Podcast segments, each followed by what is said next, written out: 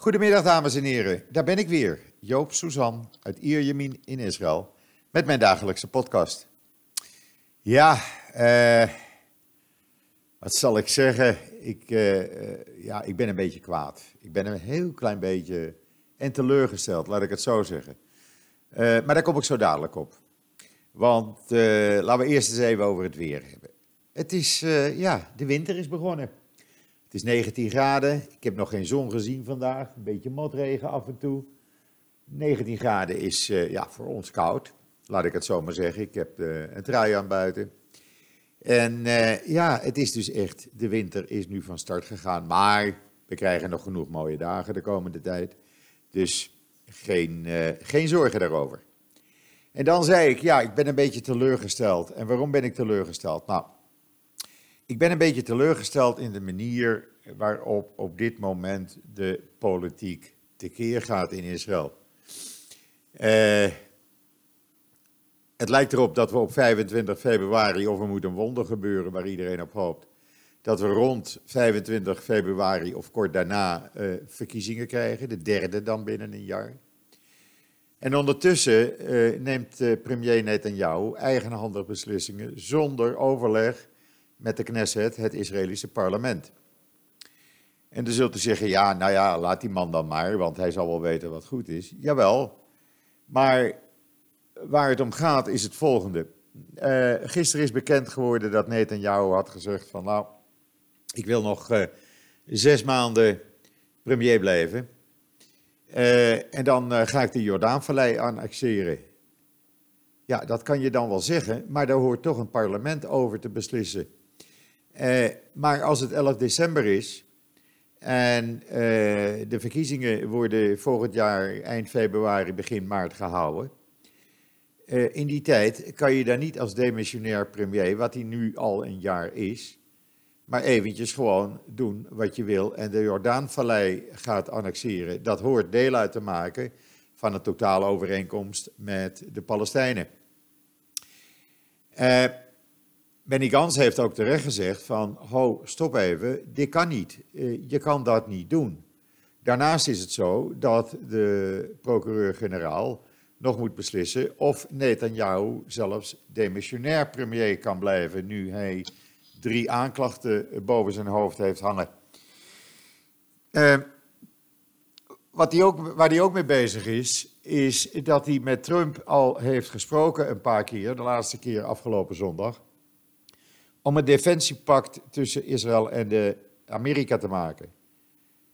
Iets waarvan Gans, als voormalig opperbevelhebber van de IDF, zegt: ja, maar ho, als dat gaat gebeuren, dan is zijn de handen van de IDF gebonden. Die kunnen dan niets meer doen zonder daar eerst Amerika in te kennen. En ook hier is de Knesset niet bij betrokken.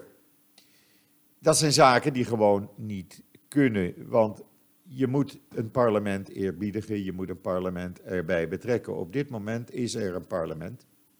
Er zijn alleen geen commissies benoemd, omdat er een demissionaire regering is. Ja, dat kan gewoon niet. Gans heeft gezegd, ik wil prima uh, met de Likud in een eenheidsregering. En dan mag uh, Lieberman met zijn partij bij en wie maar wil.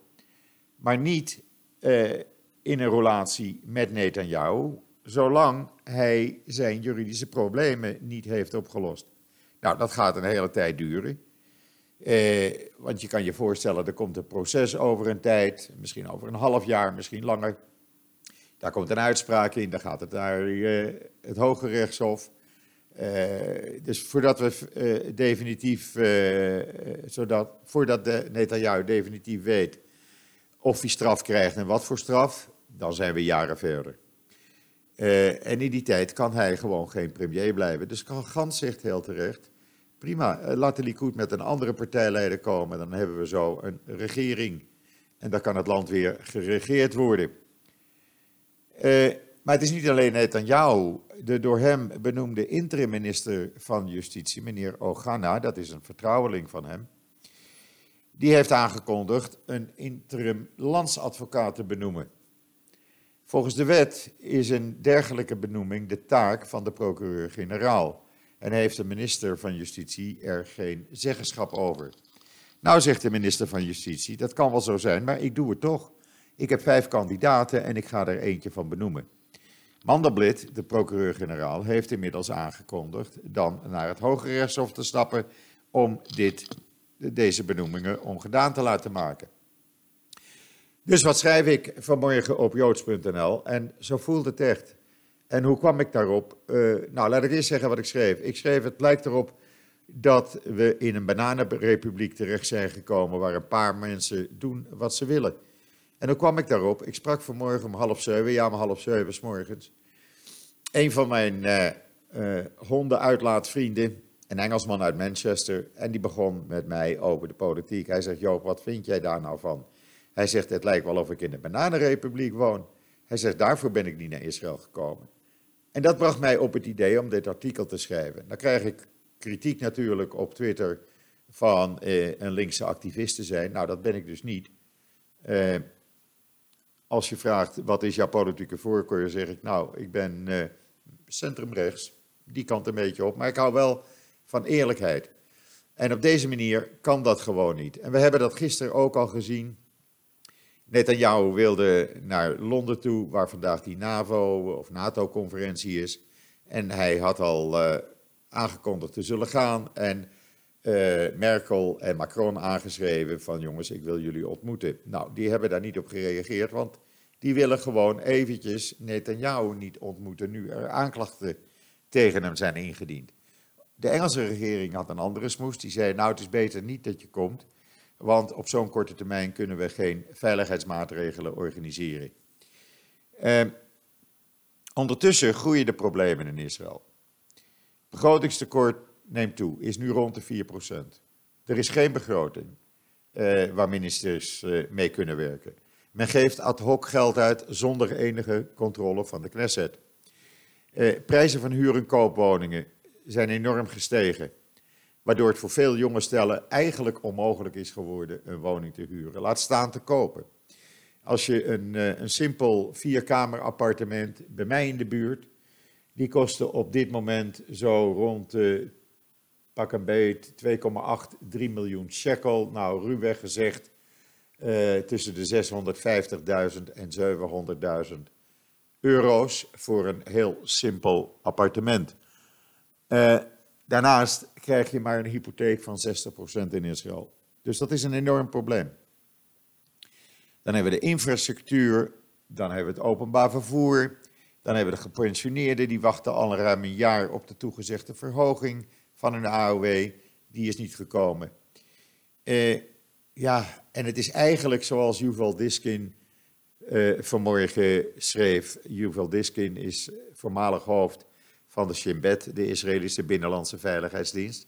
En die schreef vanmorgen in een op-ed in Ynet, u kunt dat lezen via de link in joods.nl in dit artikel, dat niet Netanyahu uh, het slachtoffer is, maar de Israëlische bevolking is het slachtoffer van de handelwijze van Netanyahu.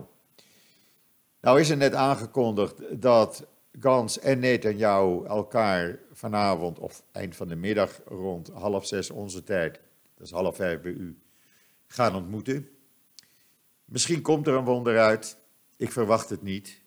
Ik kan het alleen maar hopen en met mij uh, bijna heel Israël. Want op deze manier kan je geen land regeren. En eh, het, om, om, premier te blijven en alleen maar te zorgen dat je premier, premier blijft, om daardoor niet eh, voor de rechtbank te hoeven staan, ja, dat kan niet. Ik vind, eh, als je iets fout hebt gedaan, nou, laat de rechter daarover beslissen. Er zijn aanklachten ingediend. Jou was degene die jaren geleden onbedwong, toen er sprake was van aanklachten, tegen om, het, uh, om af te treden, wat Olmert ook deed. Daarna kwamen pas de aanklachten. Uh, bij Netanyahu is het al zo dat er drie aanklachten zijn ingediend. Dan, dan moet je gewoon zeggen, uh, ja, sorry, uh, ik ga me bezighouden met mijn aanklachten. En ik zeg de politiek even gedag. Er wordt hier ook gezegd, laat hij eerst zijn juridische problemen oplossen. En dan kan hij weer terugkomen in de politiek als hij dat zou willen. Inmiddels is zijn vrouw gisteren ook weer voor de rechter verschenen in een zaak die tegen haar is aangespannen. het gaat wel lekker op deze manier. En ja, dan ben ik teleurgesteld. En dat uh, wou ik toch even kwijt. Dan is het zo dat uh, gisteren de procureur-generaal heeft bekendgemaakt dat de rechtszaak tegen Netanyahu zal plaatsvinden in Jeruzalem. Een datum heeft hij nog niet genoemd. Hij heeft wel gisteren een lijst uitgebracht met, ja je gelooft het niet, 333 die de openbare aanklagers gaan gebruiken in de zaken, de drie zaken tegen Netanyahu. Ja, ik vind dat uh, enorm. Het, is, uh, het lijkt een beetje op uh, de Who is Who-lijst. er staan allemaal namen, bekende namen uit de politieke wereld in. bekende uit de wereld van het amusement. En een aantal bekende en minder bekende multimiljonairs. ja, het is een beetje raar. Ik, ik, dit, die mensen zouden dus allemaal moeten gaan getuigen tegen Netanyahu. Daar komt het dus op neer. Uh, en ik vraag me af, waarom zoveel getuigen? Kan je het dan niet afdoen met uh, ja, een paar minder, laat ik het zo zeggen. Uh, eh, 100 getuigen zou toch ook kunnen, denk ik. maar nee, 333 getuigen. Nou, ik vind het nogal wat. maar goed, ik ben geen uh, openbare aanklager, dus ik kan me daar verder ook niet uh, uh, over uitlaten. Dus de, de, bekende politici bijvoorbeeld zijn Sipi Livni, Yair Lapid, Gilad Arden, en huidige minister. Dan hebben we nog miljonairs zoals zijn voormalige vrienden, of biljonairs, Sheldon en Miriam Ederson. Dan hebben we Ron Lauder, van de parfum. Uh, ook een biljonair. Uh, dan hebben we Arnon Milgan, een Hollywood-producer, die al die cadeautjes gaf. En we hebben meneer James Packer. Dat is een multimiljonair uit Australië, die ook het een en ander aan hand- en spandiensten verleende en cadeautjes gaf. En weet ik veel, reizen allemaal. Ja, het is een hele lijst. Dus de roddelbladen hier in Israël, nou, die hebben hun tijd van hun leven. U kunt het allemaal nalezen op joods.nl. En dan Gans, die heeft gisteravond gezegd: Oké, uh, we zullen dan niet uh, onze droomregering kunnen vormen zoals we het in gedachten hebben. Maar ik ben nog steeds bereid om met de Likud in een regering te gaan zitten. Uh, nou ja, hopelijk gaat dat dan ook gebeuren. want ja, nogmaals, er moet een regering komen, zo snel mogelijk. En als Gans dan bereid is om uh, uh, in een regering te gaan zitten zonder al zijn eisen, zeg maar, ja, in te dienen, dan, ja, dan moet hij dat gewoon doen. Laat dan al je een beetje water bij de wijn. Kom op zich en dan hebben we een regering. En dan Israëlische wetenschappers laten we maar over iets anders hebben. Uh, die hebben uh, ontwikkeld synthetische cellen die zichzelf kunnen kopiëren. Uh, en dan zult u zeggen, ja, waarom moeten we dat hebben? Nou, dat heeft te maken met het maken van nieuwe medicijnen. En deze cellen kunnen ook gericht een locatie bepalen waar eh, het medicijn dan uh, naartoe zou moeten worden gebracht in het lichaam. Uh, het is een hele bijzondere ontdekking. En u kunt het helemaal lezen op, op joods.nl. Trouwens, er komt zo dadelijk vanmiddag een artikel online. Ik ga het pas vast verraden.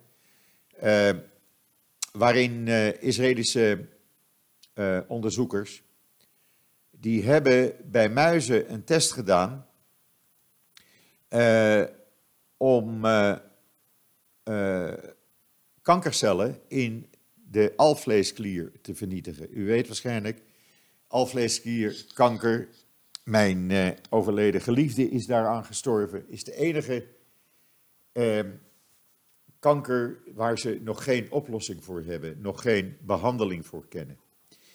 En deze behandeling die zij nu op muizen hebben gedaan, wijst uit dat de, de kankercellen met 90% na een maand waren vernietigd.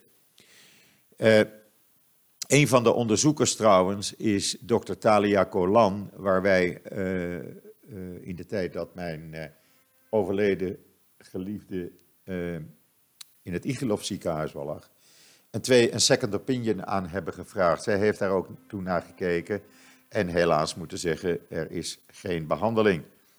Op dit moment, patiënten met uh, alvleesklierkanker hebben een, eh, de eerste vijf jaar een zeer kleine kans om te overleven. Ik zei u, ik heb het zelf meegemaakt, dus ik, ja, ik weet een beetje ervan af nu. Wat zij nu hebben gedaan, betekende dat het uh, immuunsysteem, uh, ja, dat wordt eigenlijk uh, aangevallen door een molecuul die ze hebben.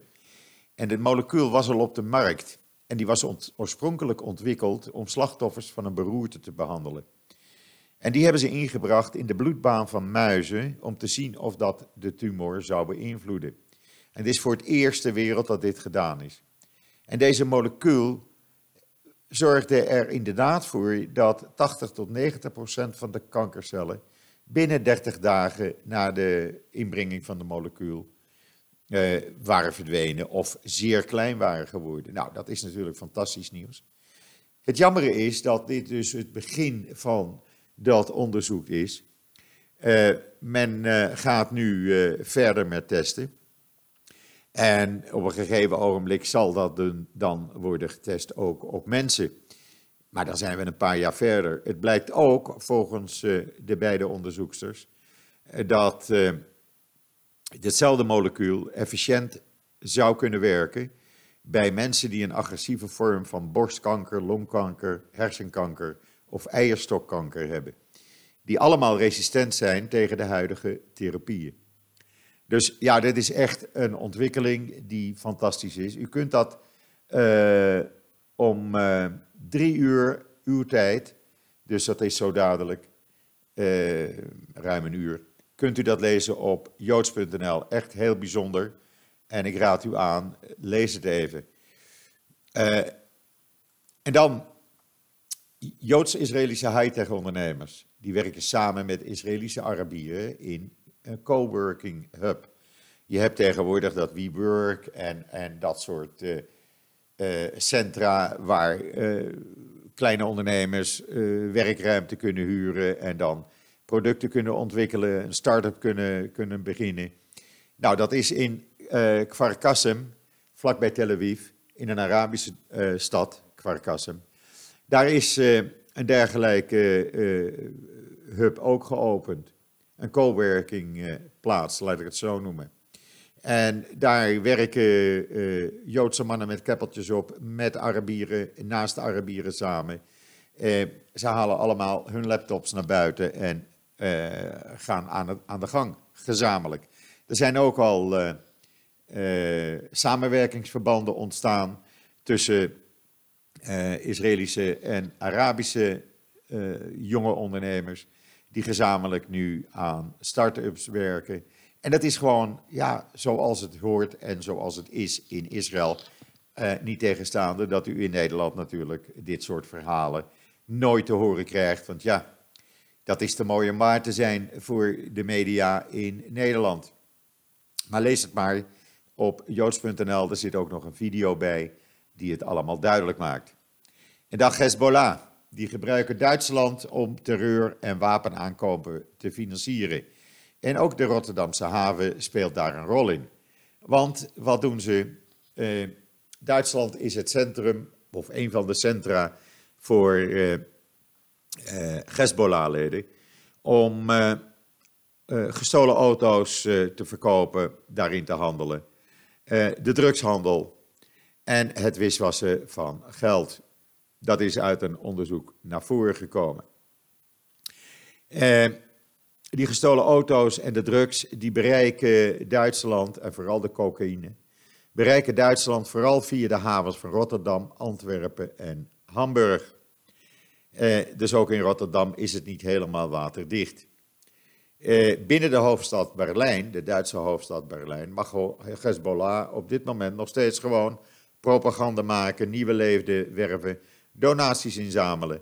En die donaties worden bijvoorbeeld doorgezonden dan weer naar Beirut, want daar gaat het allemaal om. Het gaat om geld en geld en geld om de terreur tegen Israël en de drugshandel te financieren. Eh, en ook natuurlijk de medewerkers tussen aanhalingstekens, de terroristen van Hezbollah te betalen. Dat wordt dus betaald uit die handel in gestolen auto's en de handel in drugs. Eh, er zijn verschillende Duitse eh, onderzoeken nu geweest en het is dus allemaal duidelijk hoe dat helemaal in elkaar steekt. Uh, het was eerst altijd Amerika, Zuid-Amerika speelt nog steeds een rol bij Hezbollah, maar men zegt dat Europa toch een veel lucratievere markt is en niet helemaal waterdicht. En als ze dan hun gang kunnen blijven gaan daar in, uh, in Duitsland, ja, dan blijft het geld uh, binnenstromen, zullen we maar zeggen. Het is een heel lang artikel op joods.nl, alle, alle details kunt u daarin lezen. En dan ja, er is wat opwinding in Israël, want Tesla heeft geadverteerd eh, voor medewerkers. En uit die advertenties kan je opmaken dat het bij Tesla niet alleen meer gaat om eh, autoverkopers en eh, dat soort werknemers. Wat gaan ze namelijk doen? Het schijnt dat Tesla uh, die dus het eh, bedrijf Tesla Motors Israël heeft ingeschreven hier in Israël, uh, ook wat anders gaan doen. Zij gaan zich bezighouden ook met het installeren van vaste energieopslagsystemen en energieopwekkingssystemen en apparatuur. Dat betekent dat Tesla met name gebruik gaat maken van de Israëlische zon die hier bijna 300 dagen per jaar aanwezig is, of zelfs meer. En dus met zonne-energie aan de gang gaat. Tesla heeft een dochteronderneming in Amerika, die zonnepanelen en geavanceerde, uh, ja, zeg maar, solar dakpannen ontwikkelt en verkoopt, voornamelijk voor woningen. Maar het zou zomaar eens kunnen dat Tesla, uh, daar zijn ze mee aan het testen uh, op dit moment, een ja, als je dus op je huis solarpanels hebt, zonnepanelen hebt, eh, dan krijg je een soort laadstation in je auto, waarbij je die energie kan opslaan en die kan je gebruiken natuurlijk voor eh, de, de, elektriciteit die je in je huis nodig hebt, maar ook voor het opladen van je elektrische auto. In plaats van dat je de overtollige zonne-energie overdraagt of verkoopt aan het nationale elektriciteitsnet. Eh, Tesla heeft in 2016 eh, het bedrijf SolarCity opgericht. Dat hadden ze voor 2,6 miljard overgenomen. Uh, en dat hebben ze nu ook hier in Israël uh, ingeschreven op een adres van een advocaat in Tel Aviv. Dus ja, er is nogal wat opwinding, want er is natuurlijk hier ja, genoeg zon. Dus je kan genoeg elektriciteit gratis opwekken, om het zo maar eens even te noemen. En dat zou natuurlijk uh, fantastisch zijn dat als je je de hele dak vollegt met uh, solarpanels, zonnepanelen. En je hebt een elektrische auto, je laat hem op, je laat je ijskast en je airconditioning erop werken. Nou, is natuurlijk fantastisch. Het is een eenmalige investering. En voor de rest uh, hoef je geen elektriciteit meer te betalen aan het elektriciteitsbedrijf. Zo ziet u, er gebeurt van alles in Israël. Ook zelfs eh, als we geen eh, werkende regering hebben. Want het bedrijfsleven gaat gewoon zijn eigen gang gelukkig. En dat kan ik alleen maar toejuichen. Dat maakt het juist zo mooi.